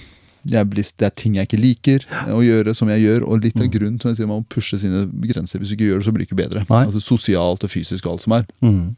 Men det er, det er visse ting som jeg syns er helt forferdelig, som jeg gjør likevel. Og så er det forferdelig de første 30 sekundene, så går det greit. For da, da tenker man på noe annet. Mm. Men, men det er som jeg sier, det er um, viktig å embrace it. Ta eierskap til det. Ja. Vit hvem du er, ta eierskap til det, Mm. og utvikle deg derfra. Og når du da tenker tilbake, hvem personer Du har jo vært, har vært i Forsvaret, du vært, er i politikken nå. Du, er det noen personer du spesielt vil på en måte si at har inspirert deg veldig? Ja, det er mange jeg kunne ha sagt. Altså, inspirert meg, det er et godt spørsmål. Um, jeg er litt dårlig på å la meg inspirere veldig av andre, men, Mm. men jeg kan si at det er mennesker jeg setter stor pris på for de mulighetene de har gitt meg. Ja, litt det samme, det, Eh, egentlig. Es- Espen Fordi- Storvann er en, som, en som person jeg uh, har nevnt. Uh, det var han som dro meg inn i politikken. Ja. Eh, Ja, for du har hatt en ganske Ikke kort karriere, Nei, men men du har altså, hatt jeg en begynte i karriere politiet i som 2012, eller noe sånt. Ikke sant? Før så var jeg i Forsvaret, og jeg hadde en sånn, sånn selvskreven prinsipp om at er du er i Forsvaret, så er du ikke politiker. Det er, sånn, for meg så blir det en sånn kortslutning. mm. Uh, jeg syns ikke det er riktig. Uh, og det kunne vi sikkert snakka mye om også. Det er disse offiserene i Forsvaret, uh, som jeg ikke skal nevne navnet på, som på sett og vis ga meg mulighetene. Mm. Det var de som eh, sa greit, du får en, gjør dette. Gå denne veien, ikke gå den veien der. Og så har man lytta til de og kommet Mm. uh, videre. Uh, og det er mine Ja, faktisk. Den første sivile jobben min etter Forsvaret, det var jo i DSB. Mm. Og det var han som ansatte meg der. Geir Mjøen. Han bor på Heistad, faktisk. Han, han, jeg husker på de intervjuene han måtte fortelle meg men, men jeg, når man jobber i Forsvaret, så vet man ikke hva man kan. Det er veldig underlig. Mm. Du, man har ingen forhold til hva man kan. Mm. Og vi sitter i intervjuet og spør han, ja, kan du som det og det. Det var førstehjelp. Jeg, var krigs, altså, jeg hadde sånn krigskirurgikurs. Ja, ja. så, øh, kan du førstehjelp? Ja, nei, altså jeg kan jo litt. Og så sier du at jeg kan litt, for de andre, kan jo, de andre som er pa pa patruljemedikere og sånn, kan jo ekstremt mye Ja, ja. nei, altså jeg kan jo, så hva kan du da? Sånn og det og det, og, og bare, ja, ok, greit, da, da kan du dette. For han måtte hele tiden sånn spørre, hva kan du egentlig? Mm. Og så begynner jeg å svare sånn, veldig sånn overfladisk, ja, men det, og, dette her er jo mye mer enn det jeg forventer, dette er mye mer som står i stillingsbeskrivelsen, ikke sant? På jobbintervju så måtte han gjøre det flere ganger. Så det var jo sånn det ble. Ja. Han ga meg noen muligheter der, og så Veldig takknemlig for det, for det, var noen døråpnere i det sivile. Mm. Og ikke minst kolleger andre steder. Men inspirasjon, altså må jeg si Man skal i, i, i, Nå som jeg er på Stortinget, så er eh, Helge Orten fra Møretraktene Han er en kollega i finanskomiteen. Han er Mm. fra Misund, faktisk, oppi, oppi der. Han er en ganske stor inspirasjon og god kollega. Jeg setter eksepsjonelt, altså veldig ekstremt stor pris på han. Mm. Fordi han er ryddig. Han er eh, klok. Han, han, er, han bryr seg oppriktig. Mm. Eh, og han gir eh, klare tilbakemeldinger. Ja, ikke sant? Ja, for det trenger jo. Det Ja, er en det- ja, ja. situasjon der en skal ta eh, viktige avgjørelser, ikke bare for seg sjøl, Ja. men for mange andre òg. Men så er det, når vi snakker om det, det profesjonelle domenet Men så snakka vi om Espen Ødegården her til å begynne med. Ja. Han imponerer meg på et helt annet plan, altså. Mm. altså det, Her og nå-motivatoren. Ja, han, han er helt altså Jeg har jo vært med på disse mølleløpene hans. Jeg har Ja, ja. åtte timer to år på rad. og sånn, og jeg blir, jeg blir ganske imponert. Hvordan, Mm. al- altså, når du vet hvor vondt dette her er, Ja. så gjør du det gang på gang. Da er det, da er det litt annerledes. Altså, jeg, Ja. husker jo som, jeg har vært på flere militære opptak. jeg husker, altså, Da var jeg i 20-åra. ikke sant? Mm. Det er. Espen har jo, for å si, han har jo erfaring fra militæret. Jeg vet, Han var jo i Bosnia. Ja. Snakka med mye om det. men, men det er sånn når du vet hvor vondt det er, så skal Ja. det helt annen karakterstyrker til om å gjøre det igjen Ja. og igjen. Mm. Så det er, men Og så må jeg si at jeg Dette er mennesker man møter i en profesjonell setting. Så er det familiemedlemmer som også imponerer meg med, med, det, med det de gjør. Altså mm. øh, og, og der er det mye man kunne ha sagt, men jeg, jeg, tror, øh, jeg tror vi som har jobba i Forsvaret og er mye på reise, øh, skal være fullstendig klar over at det er noen som står bak oss. Mm. Eller helst foran oss. Vi gjemmer, vi, vi gjemmer oss bak de, som jeg bruker å si. For de tar all byrden. De tar Mm. all jobben. Mm. Vi går og sufflerer og reiser rundt og sitter på møter og sånn. Mm.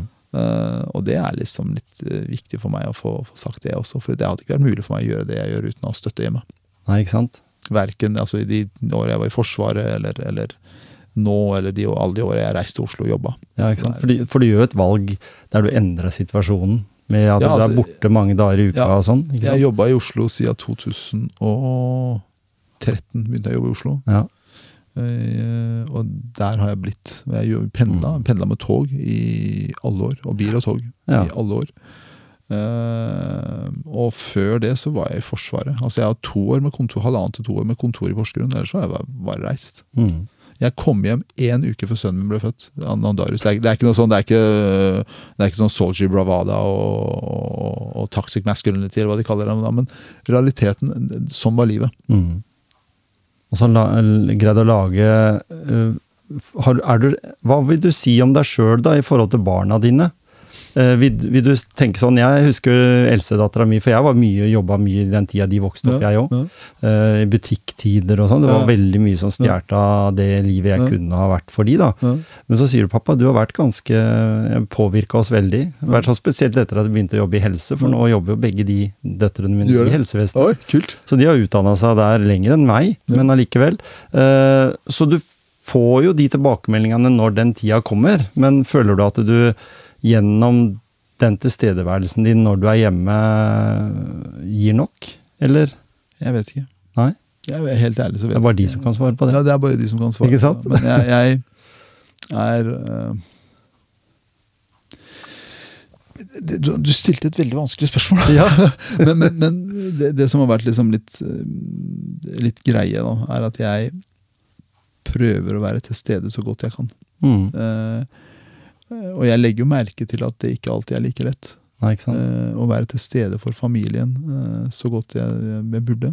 Og jeg er, når det gjelder barna spesielt, så er jeg opptatt av å overføre noen verdier til de. Mm. Og det tror jeg vi er begge hjemme. Og det, det handler, som jeg sier til de, altså du er din egen lykkes med. Vil, altså ingen kan, folk, folk gir deg muligheter, så må du gjøre det maksimale ut av de mulighetene. Mm.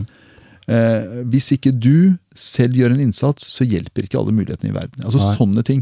Det er sånn, ja. Eh, Altså helt sånn på det Du bygger karakter. Ja, ikke sant? Mm. Altså hvis du, hvis du som eh, 11-12-åring, eller datt, heldigvis, altså både Margit og Darius, de, de er flinke barn. Mm. De er eh, Margit eh, flink på skolen, det er Darius, og de er flinke i idrett. De er eh, de kunne vært betydelig flinkere til å rydde.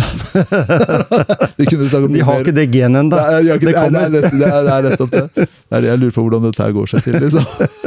Men, men det som jeg det som jeg har vært opptatt av, er at de skal på sett og vis forstå verdien av egeninnsats. Mm. Verdien av at hvis du vil um, på dette kretslaget, eller på dette sonekretslaget, eller landslagssamling, hva det er, så må du jobbe for det. Mm. Eh, og, og, og jentungen er tatt ut på sånn regional landslagsmiljø, eller hva det heter. Jeg vet ikke hva de kaller det i håndballen. Så er hun på, vært på en samling, da.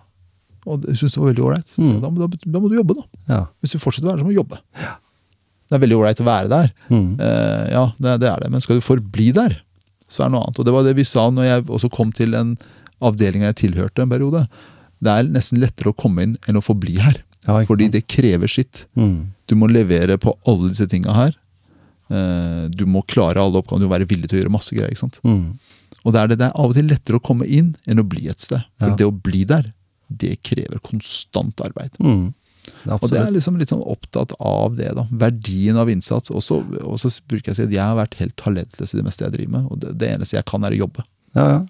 Og det er det eneste jeg vet hvordan Og det er en god egenskap, og det er der du på en måte er. Når, når jeg sånn helt på tampen nå har lyst til å spørre deg om hva gjør du når du lader? Eller er du sånn For nå, vi snakker jo veldig mye om i ladesamfunnet, ikke sant? Å, det er korttidslading. Du kjører jo strømbil sjøl. Ja, ja, Er det, ja, det så du her. Ja, ja. Og da, og da tenker jeg liksom, da snakker vi om korttidslading, langtidslading. Men som menneske, da? Hva tenker du sjøl?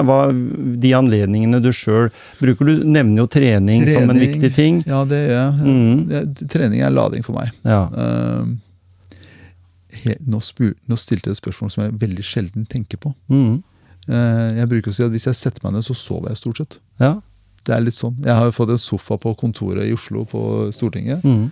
Og det er eh, rett som det er, så er det sånn kvarter om dagen, så går jeg og så, og så er jeg sånn Ja, ja. Men, men utover det, lading, det er eh, det, det er trening, men det er også, hvis jeg skal tenke meg litt om, å få feedback på det jeg har levert. Det gir meg masse energi. Mm. Helt sinnssykt, altså. Og det er, det er sånn spontan korttidslading. Mm. Langtidsladinga er kanskje øh, treninga. Og så er det Jeg er dårlig på ferier.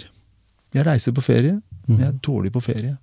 Så jeg jobber på ferier. Og det, det legges jo merke til. Som vi var i Spania nå. Fikk jo påpakning for det. Ja. Jeg var så sinnssykt produktiv. Jeg skrev jo fire saker på ti dager og et par intervjuer og sånn. Jeg lader, det, er, det også greit for meg. Jeg lader da òg. Ja, ja, for du føler jo ikke at batteriet er tomt eller flatt når du er Nei. i en sånn situasjon. Nei, ja, det, når jeg, altså batteriet mitt blir flatt eller tomt når eh, det skjer litt lite. Mm. Når jeg ikke har liksom noen noe arbeidsoppgaver. Da blir jeg veldig sånn sliten uh, oppi huet. Da, da må jeg sånn finne på ting. Mm. Uh, kanskje det er litt ADHD, hvem vet. Uh, men, men det er still, altså, jeg må til, Dette må jeg tenke litt nøyere på. Det men- var det. Og jeg, men jeg pleier å si det, vet du. Vi har alle våre bokstaver. På en eller annen vis. Ja, men det har vi jo. Altså, vi, er, vi har alle vårt, og det er viktig Ja. å embrace det. Ikke sant? Altså, Hvem er du? Hva er det som gjør deg Mm. tryggere? Hvem er det som, også ikke sant, disse tinga her. Så når du krysser av på det her skjemaet når du skal på et sesjon, Ja. eh, der står det nevnt ADHD. Da kommer du ikke inn hvis du har kryssa der Ja. i dag. Du gjør ikke det? Nei, nei. Dattera vår hun ville gjerne utdanne seg i Forsvaret. Ja. Hun fikk ADHD, eller diagnosen, når hun var 15. Uaktuelt å ha i Forsvaret. Og så er kanskje de dyktigste forsvarsfolka vi har hatt, de har hatt det. Ja, de har jo Så, altså, så, så hva, hva kan tenke, hva er grunnen? Ja. Jeg skjønte det på noen jeg snakka med i Forsvaret, at det, det var dette her med medikamenter, altså medisiner. Vi visste ikke helt atferden i en stressa krigssituasjon, da. Som er lite sannsynlig at du som en, eh, et befal i Forsvaret kan velge deg bort ifra, hvis ikke du vil i krig, da. men, men det, du, det du sier der, er jo Veldig mange av mine tidligere kolleger hadde nok falt i den kategorien. Ikke sant? Altså, jeg husker jo det var Hvem var det som sa da? Altså at det er ikke, Vi hadde, vi var jo noen, stort sett menn og noen kvinner. Mm. Er Ei dame og stort sett bare menn. Du kunne ikke slippe oss løs et sted og altså, la oss kjede oss over tid. Nei. Det, det ville jo gå gærent. Altså, Ja. det, var, det, var, det, det, ville bokstavelig talt gå dundas. Mm. Altså, du, du, folk ville finne på ting og klatre i vegger. og det som Ehm, Det er liksom den typen forsvar jeg er vant med. Da, mye Ja. energi og mye uh, Og derfor så, så tenker jeg at vel, alle sykdommer, alle bokstaver, alle tilstander har et spekter. Mm. Og det er bredt. Og, og det er bredt. Og Ja. det er liksom, hvis du klarer å harness it og Mm. embrace it, Mm. så er det greit. Ja. Hvis du ikke klarer det, ja, da er det litt verre. Mm. Jeg har vært opptak, jeg har hatt ansvar for fysiske opptak uh, i noen år i den avdelingen jeg tilhørte. Med, med alt det det har medført. Men jeg har alltid vært opptatt av en ting. Når jeg har stått, stått, stått der og telt folks pushups og hangups og tatt løpetider og sånn. Jeg er ikke så veldig opptatt av om du tar 150 hangups, men at du klarer å ha forstått oppgaven, Mm. og klarer å ta inn til det som er nødvendig grense. Mm. For da har du visst en forståelse for at det brevet jeg sendte deg for tre måneder siden, det er når du skjønte og du har trent mot et mål. Ja. Og så kommer de, så tar du ti, eller tar tolv. Det er greit. Men de som dukka opp på disse opptakene, ikke var forberedt i det hele tatt. Ikke hadde lest det brevet jeg hadde sendt engang. Da ble jeg provosert. Mm. Så det handler liksom om så mye mer i et forsvar, da, enn Mm. om du har ADHD eller ikke. Ja. Ikke sant. Vi kunne ha snakka om temaer eh, i det uendelige, tror jeg. ja, det tror jeg òg. Eh, og, og det med den langtidsladinga, den får du lov å tenke litt på. Ja, det det Så skal kanskje, kanskje kryper du inn i, i stolen her en, en gang seinere òg. Det er Det er veldig veldig hyggelig å prate med deg. Vanvittig koselig, altså. Vanvittig koselige lokaler. Så bra. Tusen takk for eh, din uh, deltakelse i Motivasjonspreik. Veldig kult å være her.